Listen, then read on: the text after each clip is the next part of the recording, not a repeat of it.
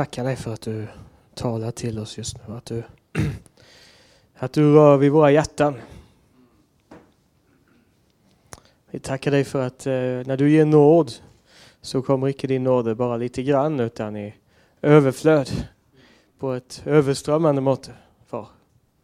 Vi prisar dig för det att eh, du talar inte till våra huvuden idag utan du vill öppna vårt hjärtas ögon vid den helige Ande.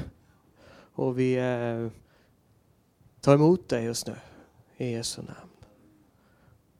Amen. Har ni tänkt på hur man kan fästa sig vid olika uttryck och ord? Det finns ju traditioner överallt vet ni. Och så finns det då väldigt bra traditioner. Och så finns det dåliga traditioner. En bra tradition det är ju att öppna sitt hjärta varje morgon och dricka in fars kärlek. Men ibland så är det lättare att fästa sig vid budskapet om fars hjärta än om livet. Det kan vara väldigt lätt att säga jag vet att Gud är far och jag vet att han älskar mig. Det är en helt annan sak att leva i upplevelsen av att jag är hans älskade son. Där liksom anerkännelsen, bekräftelsen landar på djupet. Då.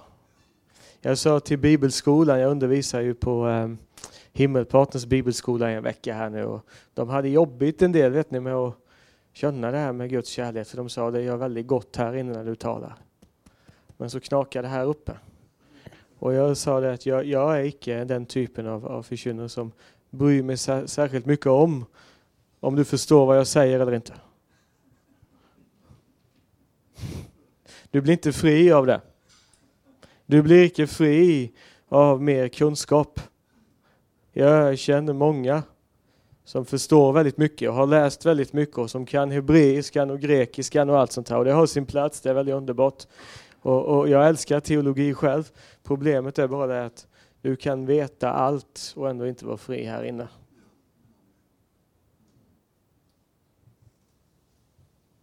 Och vi är ju kallade till frihet, eller hur?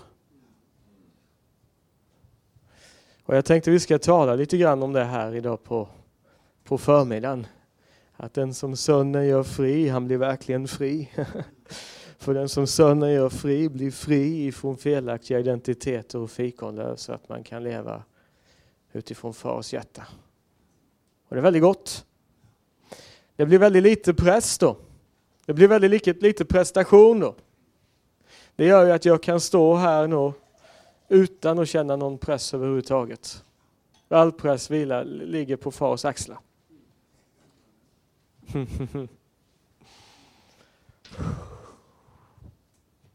Ni vet Romarbrevet 8. Det är väldigt bra.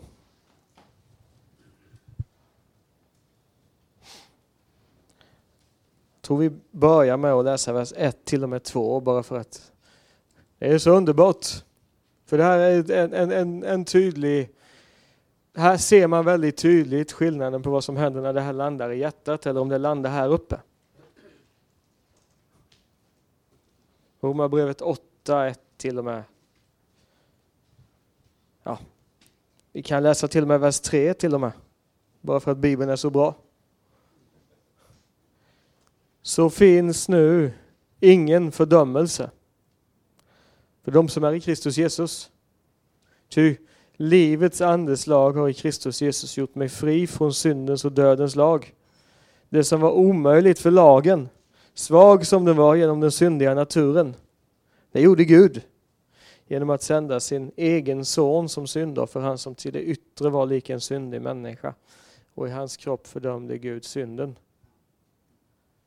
Det är väl underbart att det finns ingen fördömelse för den som är i Kristus Jesus. Har ni tänkt på den versen någon gång? Har ni hört att man kan säga så till varandra att det finns ingen fördömelse? Du vet om att du kan veta om att det inte finns någon fördömelse och samtidigt går med en massa fördömelse här inne. Det är ju en fin tanke, en fin teologi det här att det finns ingen fördömelse för den som är i Kristus Jesus. Men Gud ser inte här, utan Gud ser här. Han sa ju det, vet ni. Samuel ska gå och smörja nästa kung, så går han till Isais hus.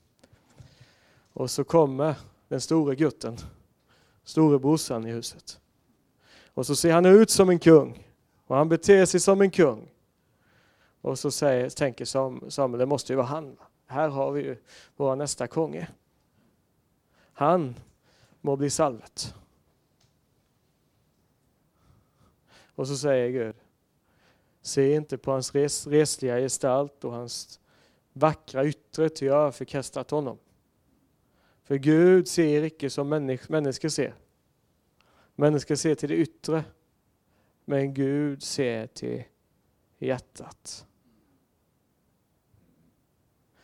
Ja. Därför så eh, bryr sig Gud inte speciellt mycket om hur mycket du vet här uppe. Utan far bryr sig väldigt mycket om vad som händer här inne. Kommer ni ihåg vad Jesus säger till, till fariseerna? Han tar ju ett uppgör av och till med fariseerna. Icke för det han är på dåligt humör just, den, just då. Va? Att, han får ett, att han har ett, ett, så här, ett andligt PMS varje gång han träffar fariseerna. Utan mer för det att de sänder på så olika kanaler. Och så säger Jesus, ge ert inre som gåva. Så blir även utsidan ren. För Gud verkar här inne.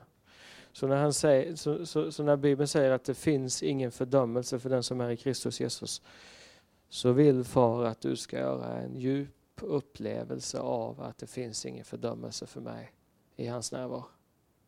Det finns ingen fördömelse när vi är tillsammans här. Du kan ha varit med om en massa saker i livet som människor har alla möjliga åsikter om. Men hos honom, i Guds familj, så finns ingen fördömelse. Ty livets andes lag har gjort oss fri från syndens och dödens lag i Kristus Jesus. Det som lagen icke klarade av. Svag som det var genom den syndiga naturen, vet du. Har du varit med om någon gång att du har försökt leva det kristna livet? Och hålla standarden och leva upp till det som är Guds rättmätiga krav på det. Gick det grejt för dig? Nej. För du vet, vi har ju den här kampen som människor, att vi lever i väldigt mycket. Vi är nya skapningar och är det någonting jag älskar att predika så är det att du är rättfärdiggjord och helliggjord. Eller hur? finns ingen fläck och skrynkla på dig när du kommer inför Gud, för Jesus har gjort ett, full, ett fullbordat verk. Genom ett enda offer har han för alla tider gjort dem som helgas fullkomliga. Så när far ser på dig vet du, så ser han en, fullkom, en fullkomnad son en helgjord son, en älskad son. Utan fläck och skrynkla. Men sen har vi ju kampen med våra mänskliga svagheter. Där vi icke kan vinna seger i egen kraft, hur mycket vi än vill. Du kan ha all kunskap, du kan ha all tro, du kan ha all salvelse. Och du vet, jag har ju lärt mig det genom åren, för vi ser ju inte det finns säkert de av er här inne som upplever mycket mer än mig, va? men jag har ju sett en del. Förra året så hade vi ett par stycken som blev helade från dödlig cancer till exempel. Och jag har sett blinda få sin syn och döva höra och folk som blir satt fri från demoniska krafter. Men så har jag upptäckt det att det betyder ju inte att inte jag har, några, att inte jag har någon kamp här inne för det.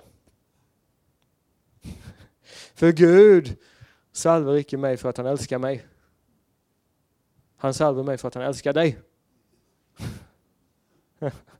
Det är icke ett kvitto på min andlighet att jag kan kasta ut onda andar eller bota sjuka. Det är ett kvitto på vad Jesus har gjort på korset. Men du vet, han älskar mig för att han älskar mig. Kärleken från far har ju ingen poäng, utan kärleken från far är poängen.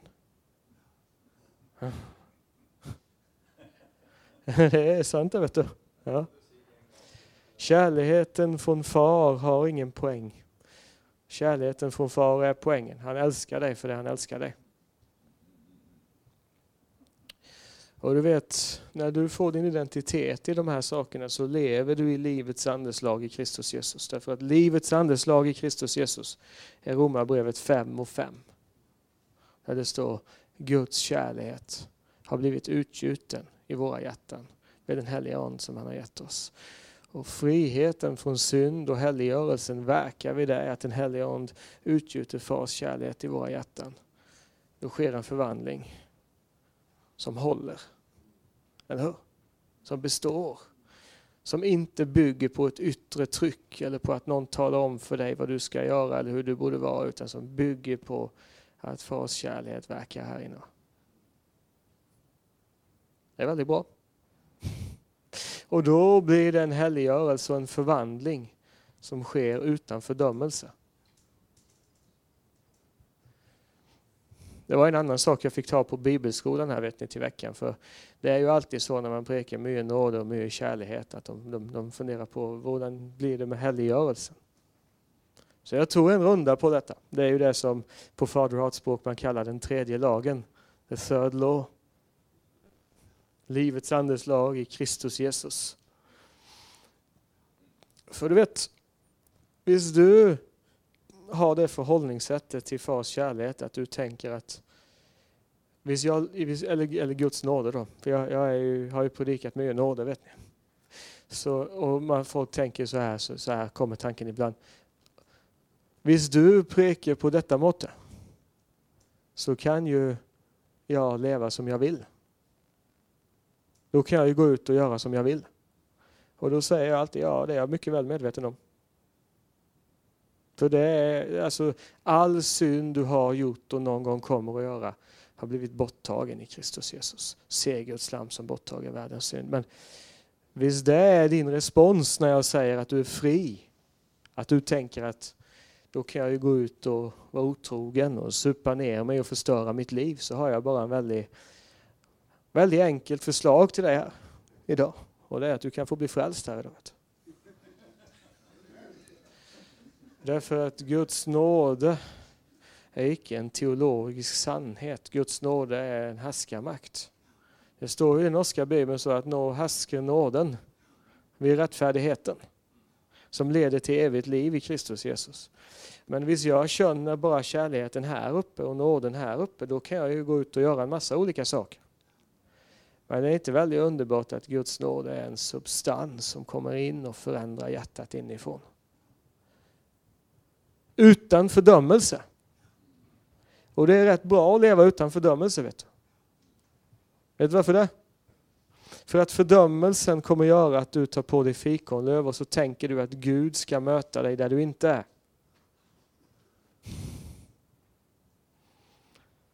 Jo, för du vet fördömelse lägger en massa borden på dig och säger så här. Jag borde vara här. När jag kommer igenom, när jag är där jag ska vara, då ska, då ska Gud röra vid mig. Men du vet, Gud kommer aldrig möta dig där du borde vara. Han börjar alltid där du är.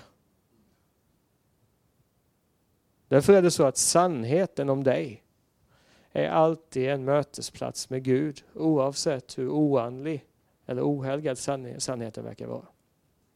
Och lögnen sätter alltid en blockering mellan dig och Gud oavsett hur andlig lögnen verkar vara. Ja. För Gud börjar där vi är. Därför så är det ju väldigt bra när vi talar om tillgivelse för exempel att det kan vara väldigt gott att bara säga att jag känner hat emot min mamma eller min pappa för det de gjorde mot mig. Ja men så bör man ju icke säga som kristen. Så ska det icke vara. Nej men nu är det så och då må vi börja där. Det är ju därför religion aldrig blir relevant. Därför religion lägger alltid livet med Gud någon annanstans. När du har brutit igenom. Det är ju, det är ju religionens två stora lögner. bygger på två saker. Separation och distans. Det vill säga, Gud är inte riktigt här än. Men visst du bara placerar dig rätt, då kommer Gud att möta dig. Eller Gud gör väldigt mycket bra någon annanstans. Och nu kan man behöva åka någon annanstans ibland. Det har jag också gjort. Jag har åkt på både mina, när jag gick mina A och B-skolor så gick jag inte dem i Sverige. Jag åkte någon annanstans. Men icke för det att inte jag har en koppling med Gud här och nu. Icke för det att jag är separerad ifrån Gud och jag måste kämpa för att komma nära honom. För i honom är det ju vi lever, rör oss och är till. Det är svårt att komma långt bort ifrån någon som finns överallt. Mm. Och du vet, han känner dig. Han ser dig. Jag brukar ibland säga att vår far är lite som världens bästa stalker. Han ser dig, vet du. Han var där när du, när du gjorde det. Han känner vad du tänker. Han vet vad du går och bär på. Fullständigt. Så det är det här, det är ju sant det här vet du, att du kan inte gömma dig för far. Du är redan avslöjad. Men fast han vet allt om dig och känner dig fullkomligt så älskar han dig fullkomligt. Därför så finns ingen grund för fördömelse i Kristus Jesus. Han har tagit bort den. Han har lyft av fördömelsen. Han har satt dig fri från fördömelse. Och när Fars kärlek verkar i våra hjärtan så förvandlas våra hjärtan. Så att syndens makt blir bruten och vi kan komma ut i frihet. Och då kommer vi in i det här underbara, vet ni, som det står om lite längre ner i Romarbrevet 8. vad står det där då? Jo, vi ska gå dit nu. Romarbrevet 8, vers 14 till och med 21. Ty alla som drivs av Guds ande är Guds söner. Ni har inte fått slaveriets ande så att ni på nytt skulle leva i fruktan. Nej, ni har fått barnaskapets ande i vilken vi ropar Abba fader. Anden själv vittnar med vår ande att vi är Guds barn. Men är vi barn är vi också arvingar. Guds arvingar och Kristi medarvingar. Lika visst som vi lider med honom, för att också bli förhärligade med honom. Jag hävdar att den här tidens lidanden väger lätt i jämförelse med den härlighet som kommer att uppenbaras och bli vår. Ty skapelsen väntar ivrigt på att Guds barn ska uppenbaras. Skapelsen har ju blivit lagd under förgängelsen, inte av egen vilja utan genom honom som lade den där under.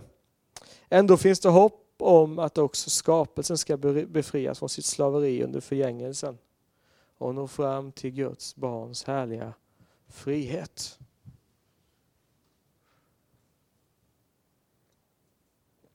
Jag älskar ju den här gamla Åge Samuelsen-låten, att jag är härligt löst och fri. Jag har den på iPhone här, så jag brukar köra den av och till. För vi är kallade in i frihet som Guds barn. Och därför är det väldigt gott att bara stå här framför er idag och bara, och bara, bara, bara uppleva att man är lite mer fri än sist vi sågs.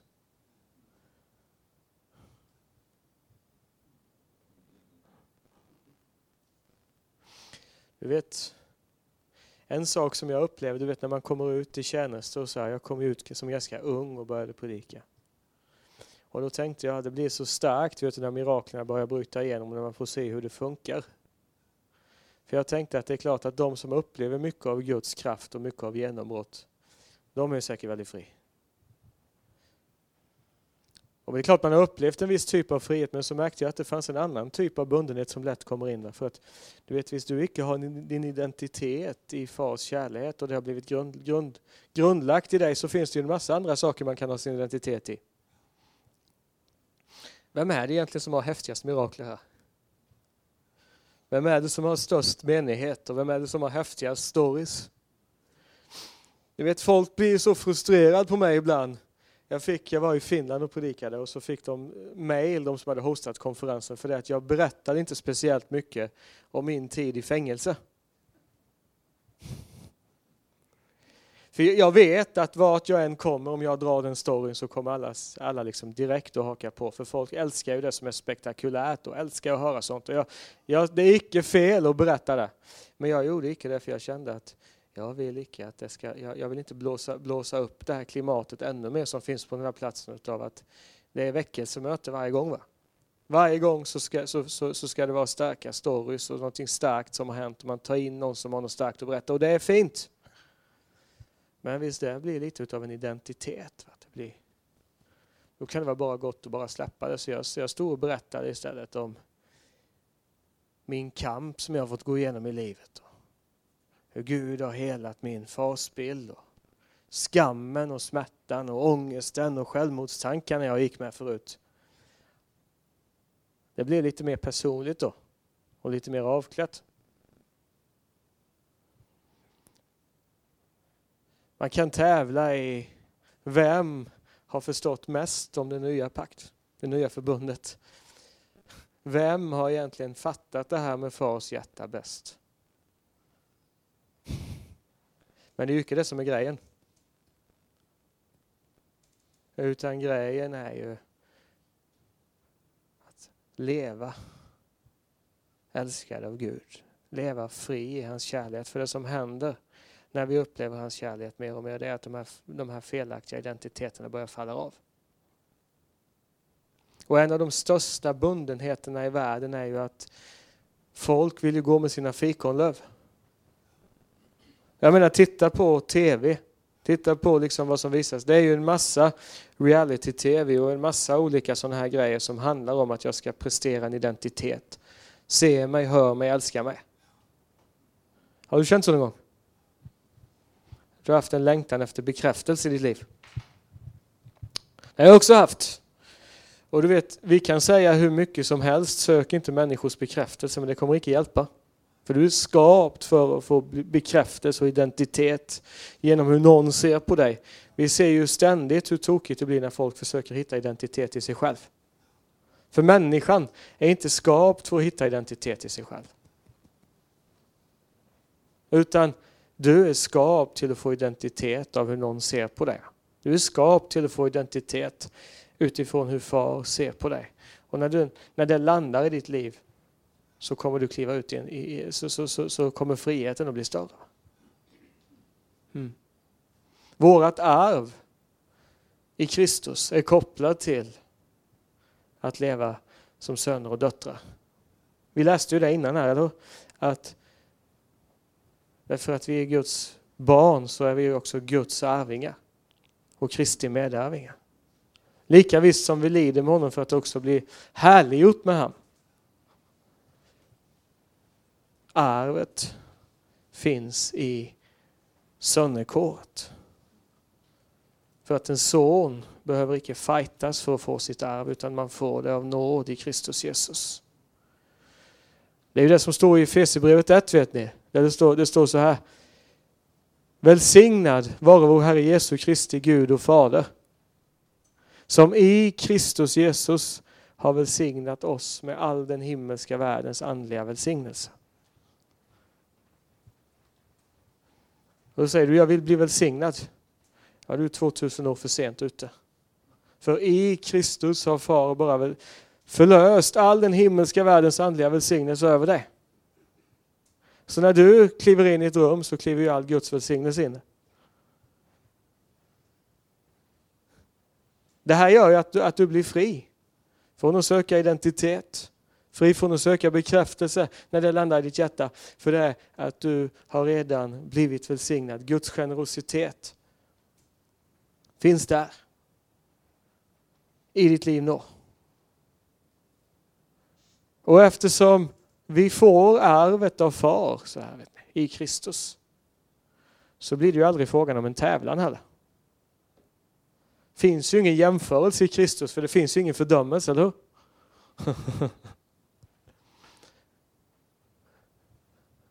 Eh, vet, vet, vet, vet vad som är väldigt gott att kunna säga? Jag kan icke allt. Jag känner icke allt. Jag förstår icke allt. Men jag vet att jag älskar av far. Johannes döparen sa ju det, ingen kan ta sig något som inte är givet ifrån himlen. Det är egentligen, eh, eh, det visar väldigt mycket om, det talar väldigt starkt om ett sönderhjärtade. där.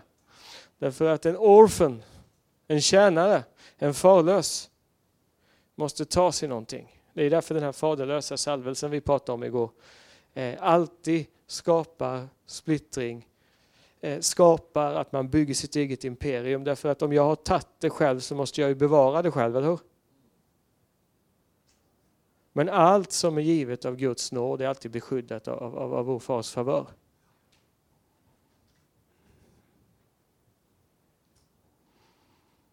Det är väldigt bra att veta det. Kan du leva med öppna händer? Kan du leva med väldigt mycket generositet? Ni vet nu när jag var i Moria i Grimsta så är ju, de, eh, så är ju himmelpartner, jag vet inte om några av er känner, känner till himmelpartner, så är ju Inge och Eva de är väldigt goda vänner till mig. Och Inge är ju en fantastisk evangelist och apostolisk och har liksom en förmåga till att bygga team och har en förmåga till att och liksom så. Han har fått det av Gud. Jag sitter ju inte där och känner, varför klarar jag inte av att göra detta? Det är väldigt enkelt för jag är inte skapt till att vara han. Jag är skapt till att vara mig. Eller min gode vän Vidar, vet ni. Som är ju pastor också i Missionskirken i Froland. Han är ju väldigt duktig teolog. Han läser Nya Testamentet på grekiska och hebreiska. Och alla detaljer och sånt har han koll på. Jag blir snurrig bara jag tänker på alla de här detaljerna. Skulle jag kunna säga, varför kan jag icke göra det? Men det är väldigt uppenbart, för jag är icke vidare, jag är mig. Vi kan inte ta oss något som inte är givet ifrån himlen. Och Guds barns härliga frihet är ju frukten av livets andeslag kan du säga. Och det handlar om att du kan leva ut det som du har fått det givet. Men det blir väldigt skönt att leva kring dig vet du. När du är trygg i ditt sönderkår. För då blir det rymligt runt omkring dig. Vet du. Då skapar du utrymme för fler att få, att få växa till.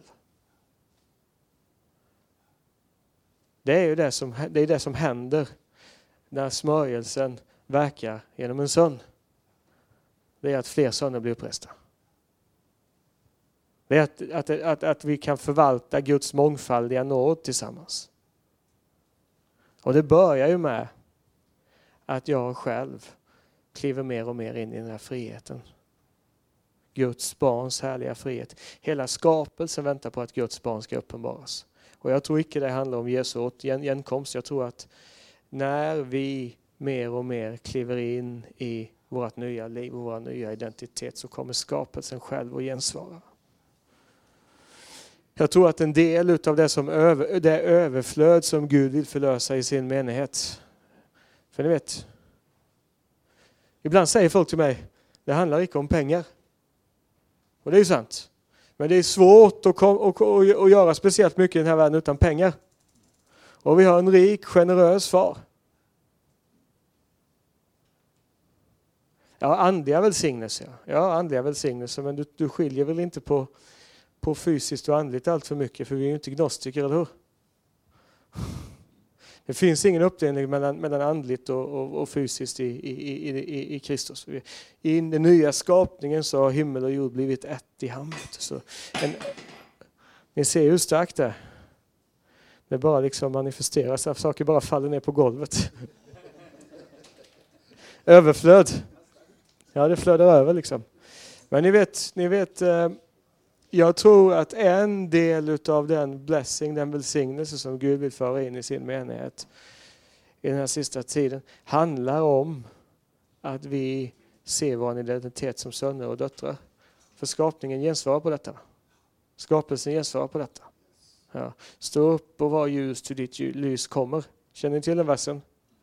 Vet ni vad som står sen? Det står att länderna ska föra in sitt överflöd i menigheten, in i Guds folk. Ja. En konsekvens av att du reser dig och får tag på din identitet handlar om att du kommer in i ett överflöd, i en favör, i det Gud har kallat dig till. Det finns hur mycket utrymme som helst för dig, vet du. För du vet, du vet att Gud är generös. Han vill inte bara att du ska ha lite grann. Han vill att du ska få tag på hela arvet i Kristus. Men det kommer icke vid det att du försöker ta det själv. Att du försöker prestera det själv. Och ibland när vi har talat om att inta löfteslandet så blir väldigt mycket fokus på vad ska, vad ska vi göra på att få till det? Vad ska vi, hur ska vi liksom få till det här? När det egentligen handlar om att vi är hans löftesland och när hans kärlek intar område efter område av våra hjärtan så kommer manifestationen bli att vi får se arvet förlöst också i våra liv. Men då kommer det ju den här friheten och den här tryggheten. Jag har tänkt mycket på det. Om, om jag lever i Guds barns härliga frihet, vad händer då runt mig? Inte bara vad händer mig, vad händer med människor runt omkring mig när jag lever i frihet? Den heliga Ande är väldigt fri. Det finns ingenting som binder Gud. Vet du. Han är fri. Han är väldigt fri. Han är så fri att det kan vara nästan läskigt. Va? Ibland säger, säger folk så här, ja men så kan väl inte Gud göra? Nähä. Så det är du som definierar Gud nu? Ja men det står inget om det här i Bibeln. Nej, men det står att, eh, att Gud tar Hesekiel i en, i, en, i en lock av håret och sätter ner honom vid, vid floden Keber. Det står att Moses kastar en stav så att den förvandlas till en orm. Tänk om jag hade kastat micken här nu och den hade förvandlats till en orm. Han stoppar in handen så här vet du, och så tar han ut den så är den som full av spetälska. Han säger till, är det Jesaja eller Hesekiel han säger till, du är Lägg dig naken på din högra sida i över, en bit över 300 dagar och så gör du dig bröd på, på, på människoavföring. Och då säger, då, säger, då säger profeten, nej, det blir för mycket. Ja men okej, ta kodynga då, då så blir det bra. Ko, kobajs. Så han fick bönesvar där. Men det är svårt för oss och leva med någon som är fullständigt fri. Så länge vi har väldigt mycket bundenhet i våra egna liv.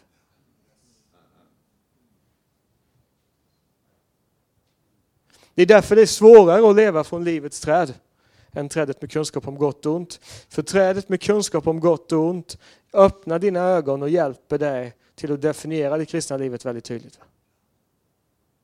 Fast det är inte så lätt när man tänker på det sen. Har du ställt dig frågan någon gång, vad skulle Jesus ha gjort? Det är ingen av er som har tänkt så någon gång? Nej. Jag har tänkt så och jag har kommit fram till ett väldigt bra svar. Jesus skulle förmodligen ha gjort något helt fantastiskt. Det är bara det att jag kan inte göra det. Tills jag insåg att Kristus gjorde något helt fantastiskt därför att han levde av rätt källa. Jag kan bara göra det jag ser Fadern göra. Orden jag talar kommer från honom. Gärningarna är hans verk genom mig. Och du kan leva som Jesus gjorde när du lever kopplat till far. Men han kör ju inte med boxar och manualer. Utan han kör med livets träd. Han älskar livet, eller hur? Ja. Han kom för att ge dig liv och liv i överflöd. Inte för att ge dig checklistor och checklistor i överflöd. Inte för att ge dig definitioner i överflöd utan liv och liv i överflöd. Och då står det så här om den helige Ande, vet ni, i andra Korinthierbrevet 3, vers 17. Att där Herrens ande är, där är frihet. Har ni någon gång funderat på varför? Därför att den helige Ande är fri. Och därför att han är fri så skapar han frihet runt omkring sig. Du kommer aldrig reproducera och bära frukt i vad du vet. Utan det som finns här inne är alltid det som kommer bli ditt liv. Det är ju därför folk kan veta en hel massa saker och så ser livet helt annorlunda ut. Helt annorlunda säger ni i Norge. Ja. Ja. står så här vet du. Framför allt som ska bevaras må du bevara ditt hjärta. Ty därifrån utgår livet. Jag hörde en massa god förkynnelse om att bevara mitt hjärta när jag blev frälst. Det har du säkert gjort också. Vet ni vad mitt problem var? Jag var dålig på det.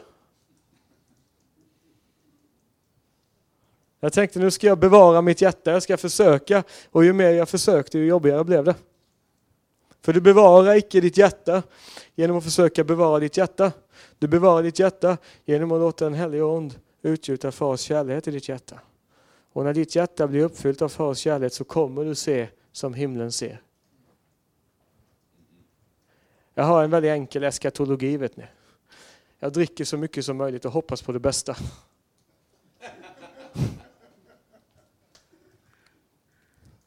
För du vet, jag vet att jag inte klarar av det här i egen kraft. Men jag vet också att när han verkar och hans kärlek verkar i mitt hjärta så sker en förvandling. Och då blir frukten runt mig det som sker här inne. Va? Det, det, det är därför ibland, jag vet inte, har, har, ni märkt hur förvånade folk blir varje gång någon predikant faller i synd? Eller misslyckas? Det är som i den kristna världen så blir folk så här helt chockade. Hur kunde den falla i synd? Han var ju teolog. Han var ju helande evangelist. Det är väldigt enkelt.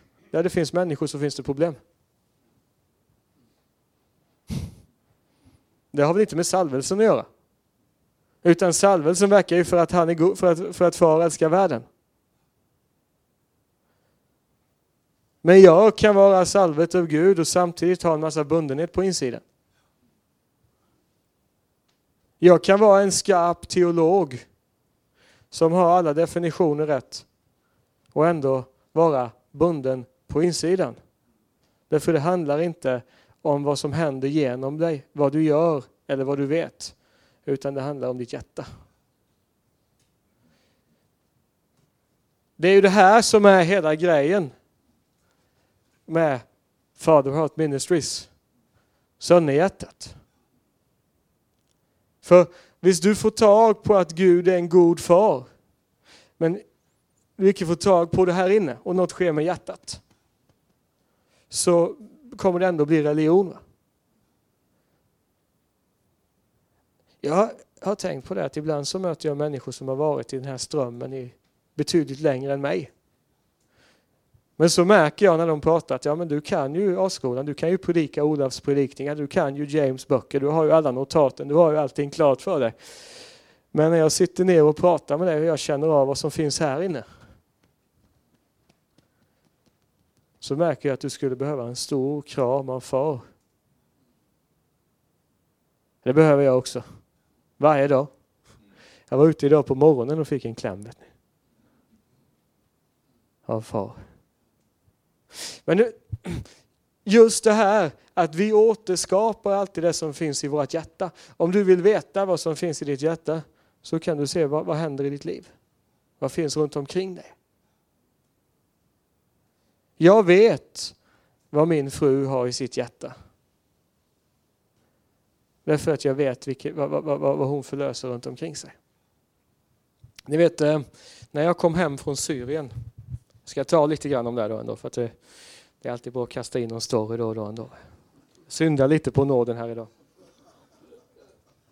Så var det så vet du att jag kom ju till Amman då, till svenska ambassaden i Amman och det var så gott att få svensk macka och nya kläder och få duscha och få liksom sova. Och så skulle man ju prata med frun för första gången på ett och ett halvt år. Och det är ju så med min fru, vet ni, att jag, jag har varit eh, förälskad i henne när jag träffade henne. Jag hade ju så mycket förkastelse och smärta på det här med relationen när jag träffade, träffade Linda på bibelskolan. Jag, och då hade jag ett bibelord som jag stod på och det var det att det, det är bättre för en man att aldrig ens röra en kvinna. Det var mitt livsord, det var det jag höll fast vid. Det var det jag höll fast vid. Jag tänkte så här ska jag leva. Men sen en, att aldrig ens röra en kvinna, står det, säger Paulus. Så jag tog det ordet lite ur sitt sammanhang och tyckte att jag, jag, jag, jag, ni vet, jag formade min teologi genom mina sår på den tiden. Vet ni att man kan göra det? Mycket teologi som växer fram bygger på att man har problem själv. Det var ju därför Luther fick tag på Kristus väldigt starkt, men Luther fick aldrig tag på uppenbarelsen om far. Därför att han klarade inte av att läsa Fader vår för att han hade en sån jobbig farsbild själv. Så då formar man en teologi utifrån sitt hjärta. Vet du. Ja, I alla fall, det var, det var en parentes som kastade ut Ni får den gratis här. I alla fall så, så, så, ehm, så, så Eh, så hade jag den här tanken då att det är bättre för en man att aldrig ens röra en kvinna. Men sen såg jag ju frun komma gående på bibelskolan och då bara fick jag en ny uppenbarelse. Ja. Det, det är icke gott för mannen att vara alena.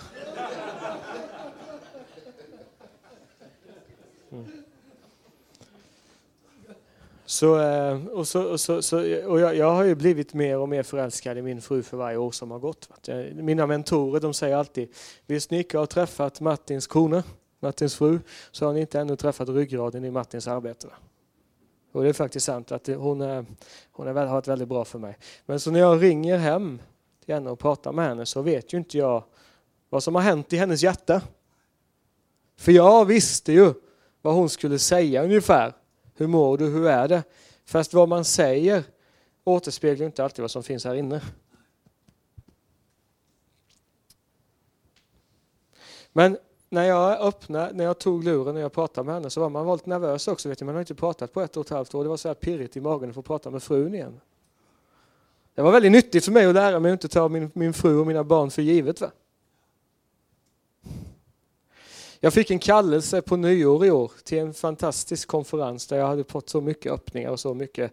Så mycket. Jag skulle predika för, på Missionskyrkans ungdomskonferens i Finland, ville de skulle komma och tala om Fars hjärta så visste jag ju det då att jag har ju lovat familjen, jag ska inte vara iväg på nyår, utan jag ska vara hemma. Men när man sitter där i salvelsen, jag satt på ett möte här i, i, i, nere i Grimsta och Leif Jonny han flödar på, han predikar ju inte riktigt utan han mer är sig själv när han står uppe på plattformen så körde på. Då kände man liksom att det hade varit gott att få boka in det här. Men så vet jag ju det att jag har lovat frun jag ska vara hemma. Och det är säkert vi får ett nyår till tillsammans. Så det är bra att vara lite tacksam för familjen. Det tillhör också Guds barns härliga frihet, att du lär dig att njuta av hela livet. Va? Ja. Eh, eh, men jag ringde henne då, då. Jag ska ta den här storyn till slutet här så ni inte får vänta i all evighet innan jag kommer till konklusionen. Va? Ja.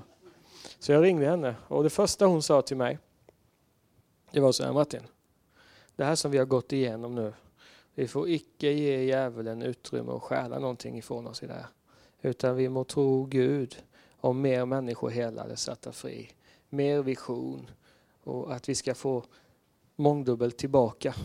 Och du får inte sluta förkynna. Det var då jag visste att jag hade gift mig med rätt kona. Vet ni. Men poängen är att du kan säga en sån sak. Men när du säger det för att Gud har gjort ett verk i ditt hjärta så är det annorlunda. Och det tilltalet bar oss in i en ett helande efter den här situationen. Det tilltalet, hon satte kurs för familjen. Va? Därför att hon sa till mig, jag hade väldigt tufft i början när du var iväg, för det var inte jättekul att få det här samtalet från vår regering då att Martin är ute och reser. Va? Jo, och de har, vi har hört nu från, från Syrien att de har tagit henne. Sen gjorde ju Sveriges regering ett jättejobb.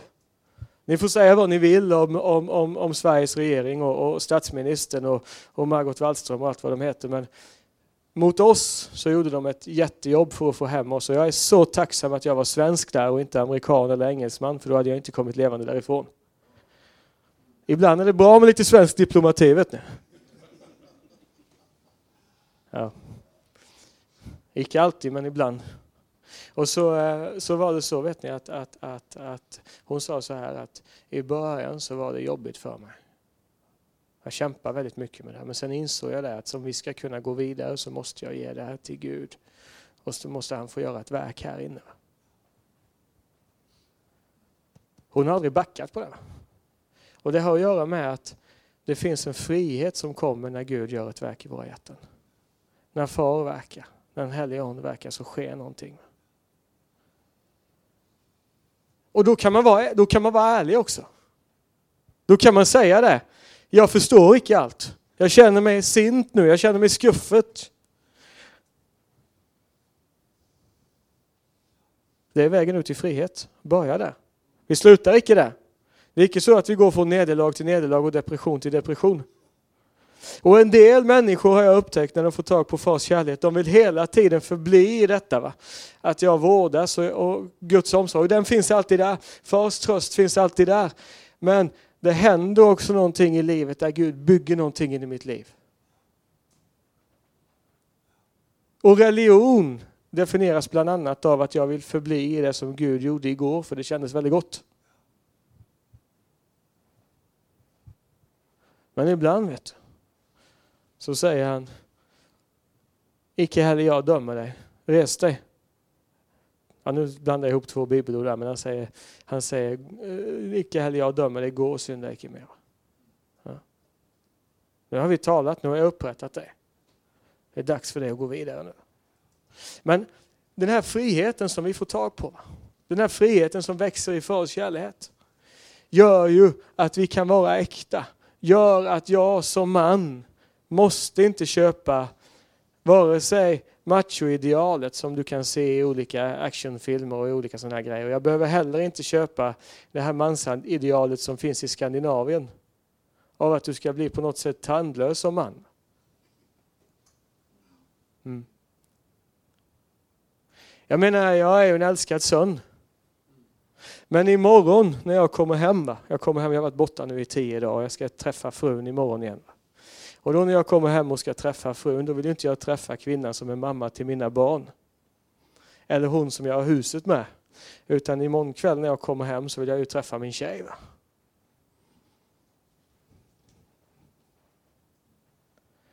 Det är väldigt gott att kunna få... Jag har tänkt, har ni tänkt David, han var en man efter Guds hjärta. Och han älskar tillbedjan. Han älskar intimitet. Och så älskar han krig och kvinnor. Lite för mycket av och till då. Men det är någonting som skäls ifrån oss. Det var därför jag gillar det här som du sa Olav. Att, krig är kär, att, att kärlek är krig. Love is war. Mm. Ja, du sa det till mig. Och nu tog jag det för dig. Pekade. Ja. Och det finns någonting, den finns en sida av Gud där, där han strider för det.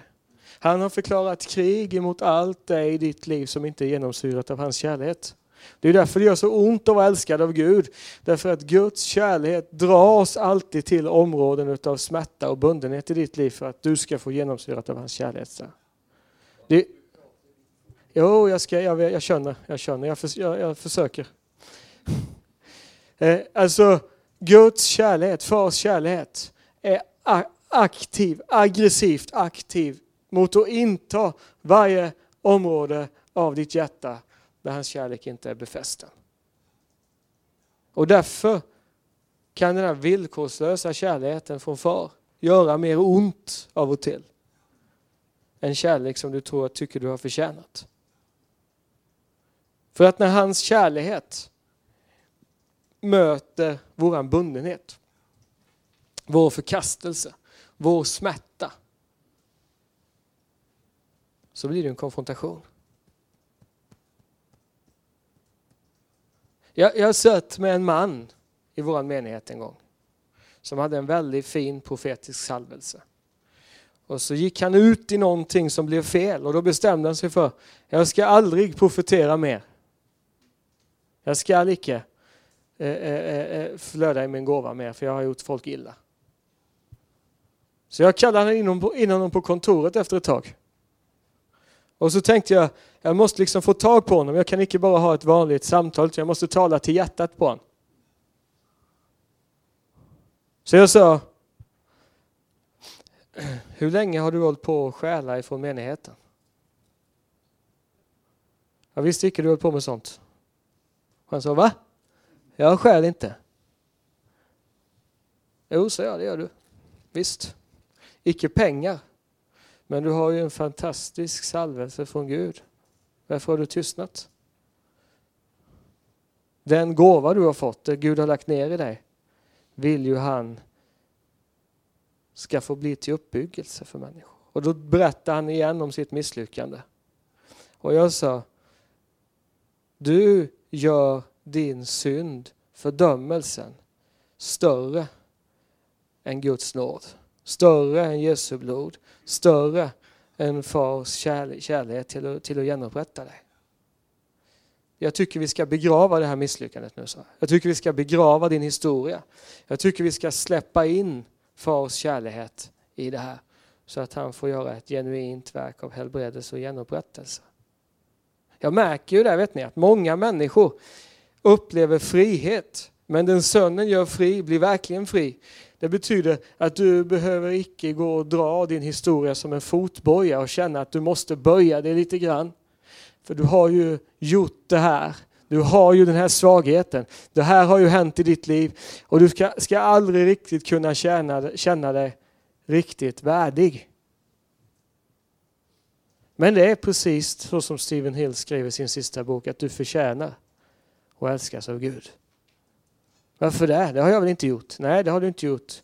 Men du har fått en värdighet i den nya skapningen, i, i ditt sonnekår, som gör att du har blivit jordvärdig.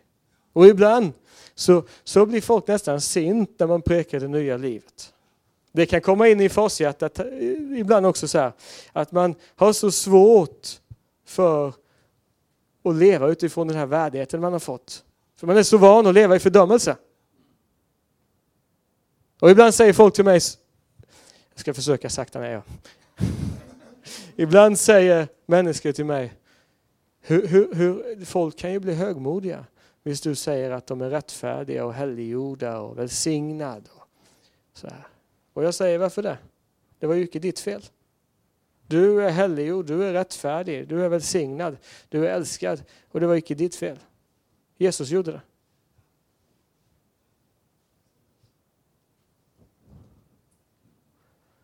Det gör att du blir väldigt ödmjuk och väldigt tacksam. Men det är lättare för oss ibland och för människor att förtjäna sin identitet själv. För då behöver jag ju icke leva utifrån tacksamhet och nåde. Då får jag leva utifrån prestation. Men Gud sänder icke på den kanalen. För sänder icke på egenrättfärdighetens kanal. Och därför så klär hans kärlek av oss och exponerar oss. Så att han kan älska smärtan ut ur oss. Det finns en sång på svenska som går så här. Att du är älskad mitt i skiten. Jag vet inte om hela innehållet i den sången är så bra. Men titeln är bra. För det är att Fars kärlek är icke religiös. Kommer icke till dig i ett perfekt liv under perfekta omständigheter. Utan mitt i kampen, mitt i bundenheten, mitt i problemet så börjar han att göra något nytt. Och jag ska avsluta det här första passet eh, nu innan vi ska ha lite en rast här med att berätta en story om vad som hände för något år sedan för mig. För ni vet, det är ju så att det är inte så enkelt att leva alltid. Jag brukar säga ibland att livet är tufft. Det är därför ingen överlever. Life is hard, that's why no one survives. Ja, och det är underbart att stå i tjänst. Men ibland är det, är, tar det ont också. Det är underbart att ha ett starkt vittnesbörd men det kan svida ganska ordentligt också. Härför, jag hade en situation för lite mer, eller ett och ett halvt år sedan, kanske två år sedan, någonting sånt. Så upptäckte jag när jag slog och sokade att det kändes inte gott här inne. Va? Och min fru sa till mig, va? det är ju jobbigt med henne för hon, min fru är lite som den helige Ande brukar säga. Hon är lite envisare än mig och hon har oftast rätt. Och hon sa, det, det är någonting med dig Martin, det är något som har kommit in i ditt liv som inte känns som förut. Du känns lite tyngre nu här inne. Jag är som, jag är som regel, jag, jag är inte den typen av predikant vet du, som tycker om att gå och sitta ensam innan jag ska preka och, och liksom dra mig undan, utan jag är ganska social. Jag prekar bäst när jag får prata med folk och liksom sitta. Jag, vill inte, jag, jag har all respekt för James, och han vill gå upp i bergen och ut och jaga och greja. Jag vill gå och sätta mig på ett café. Så, så någon sa till mig, ni vet när jag kom hit här i somras, jag predikade uppe i, prekte uppe i Ara bygd på tältmöten i somras och då fick jag ju sitta isolerad. Och då sa de, det var ju härligt, då kan du sitta nere i källaren och be och läsa liksom. Och jag kände Jesus. That's so not me, som man säger. Det är så icke, inte jag. Men jag kom in i ett tungsinne. Alltså. När jag hade luggit och sokat en morgon så gick jag ner och satte mig i soffan och nu känner jag nu, nu händer någonting här inne. Nu verkar en helg ont. Och då är det väldigt gott att säga ja. Jag har sagt till han att även om jag säger nej så menar jag ja. Så du får ta mitt nej som ett ja, även om jag säger nej. Jag har gett han den tillåtelsen. Ni vet, ibland kommer Jesus som en gentleman Han står och knackar på dörren som det står i Uppenbarelseboken. Men han kliver rätt igenom dörren någon gång. Det gjorde han till lärjungarna. Han klev in i rummet och sa frid vare med er. Den heliga ande kan komma som en stilla susning. Men det var inte en stilla susning på pinsedagen. Tungor av eld och jordbävning. Det var inte bara människor som skakade då, hela huset ristet under den helige Andes kraft.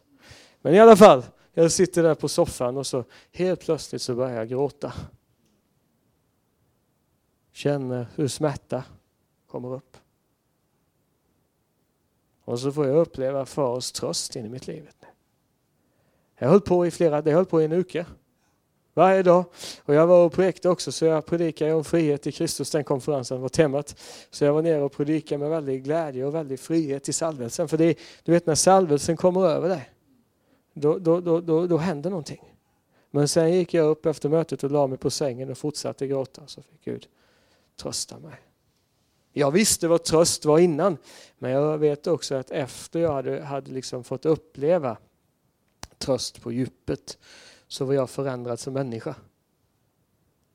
Ja, för när något händer i hjärtat så förändras man. Det är flera av er som har anmärkt att när ni ser mig nå så ser ni mindre av mig än förut. Och det är för det att du vet man kan trösta sig med en massa saker.